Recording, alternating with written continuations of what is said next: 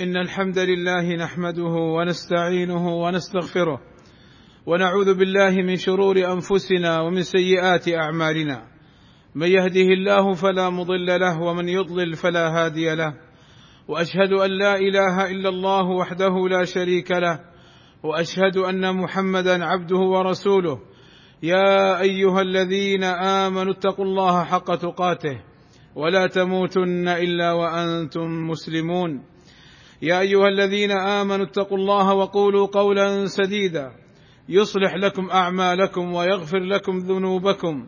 ومن يطع الله ورسوله فقد فاز فوزا عظيما. ألا وإن أصدق الكلام كلام الله وخير الهدى هدى محمد وشر الأمور محدثاتها وكل محدثة بدعة وكل بدعة ضلالة وكل ضلالة في النار. أما بعد فباب الاستغفار من أفضل أبواب التوبة ومن أفضل الأعمال التي يغفر بها الذنب. وقد أمر الله سبحانه عباده بالاستغفار. قال النبي صلى الله عليه وسلم فيما روى عن الله تبارك وتعالى أنه قال يا عبادي إنكم تخطئون بالليل والنهار وأنا أغفر الذنوب جميعا فاستغفروني أغفر لكم. وقد حث النبي صلى الله عليه وسلم أمته على الاستغفار والإكثار منه. قال صلى الله عليه وسلم طوبى لمن وجد في صحيفته استغفارا كثيرا. وقال صلى الله عليه وسلم من أحب أن تسره صحيفته فليكثر فيها من الاستغفار. بل كان الصحابة رضي الله عنهم يعدون استغفار النبي صلى الله عليه وسلم في المجلس الواحد فيبلغ مئة استغفار.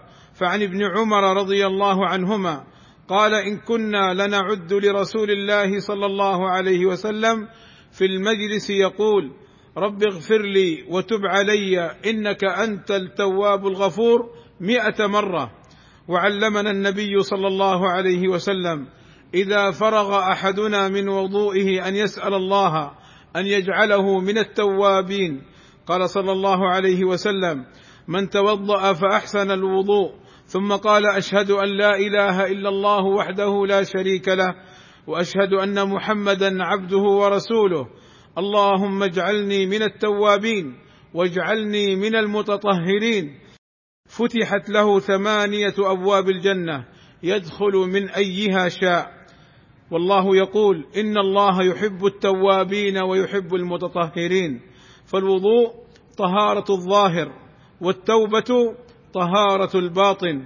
قال علي رضي الله عنه إن من أحب الكلام إلى الله عز وجل أن يقول العبد وهو ساجد يا رب ظلمت نفسي فاغفر لي عباد الله إن من سعة رحمة الله تعالى أن جعل من تاب من ذنبه كمن لا ذنب له قال صلى الله عليه وسلم التائب من الذنب كمن لا ذنب له فهذا يشمل كل ذنب تاب منه العبد. فإذا تاب العبد لم يعاقب على ذنبه فمن رحمة الله لعباده أن يغفر لهم ذنوبهم ويسترها عليهم يوم الدين. قال صلى الله عليه وسلم إن الله يدني المؤمن فيضع عليه كنفه ويستره فيقول أتعرف ذنب كذا؟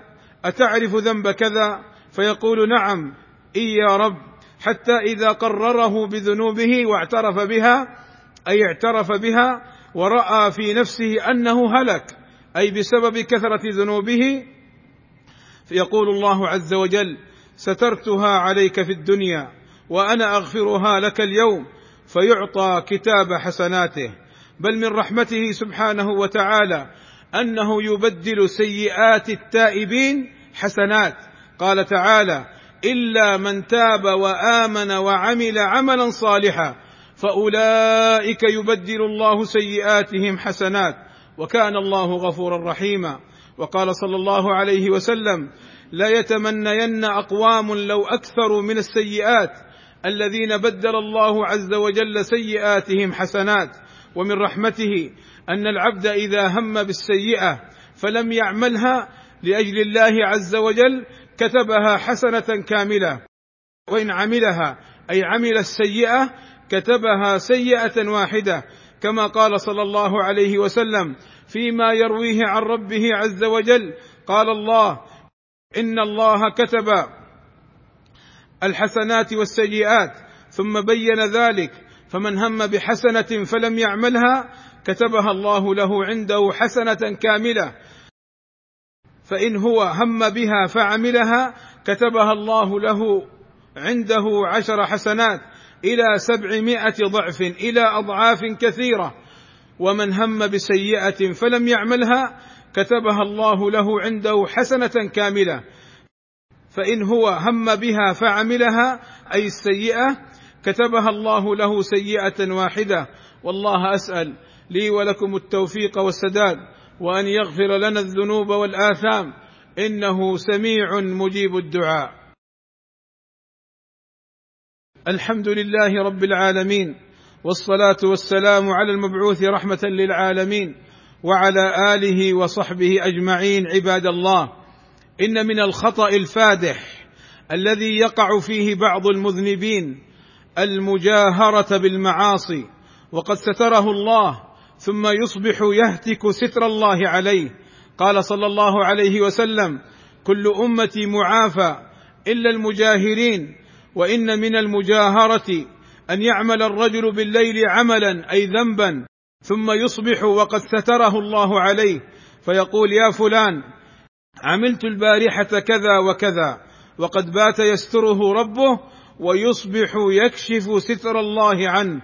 فالمجاهر هو الذي يظهر معصيته ويكشف ما ستره الله عليه فيتحدث بها بين الناس. وقد أمر النبي صلى الله عليه وسلم المذنب بعدم ذكر ما فعله من الذنوب. قال صلى الله عليه وسلم اجتنبوا هذه القاذورات التي نهى الله تعالى عنها فمن ألم بشيء منها فليستتر بستر الله وليتب إلى الله. فالواجب على من فعل ذنبا أن يستر على نفسه ولا يفضحها ولا يهتك ستر الله عليه. اللهم صل على محمد وأزواجه وذريته كما صليت على آل إبراهيم وبارك على محمد وأزواجه وذريته كما باركت على آل إبراهيم إنك حميد مجيد. وارض اللهم عن الخلفاء الراشدين أبي بكر وعمر وعثمان وعلي وعن جميع أصحاب النبي صلى الله عليه وسلم. اللهم آتنا في الدنيا حسنة وفي الآخرة حسنة وقنا عذاب النار. اللهم اغفر للمسلمين والمسلمات والمؤمنين والمؤمنات الأحياء منهم والأموات.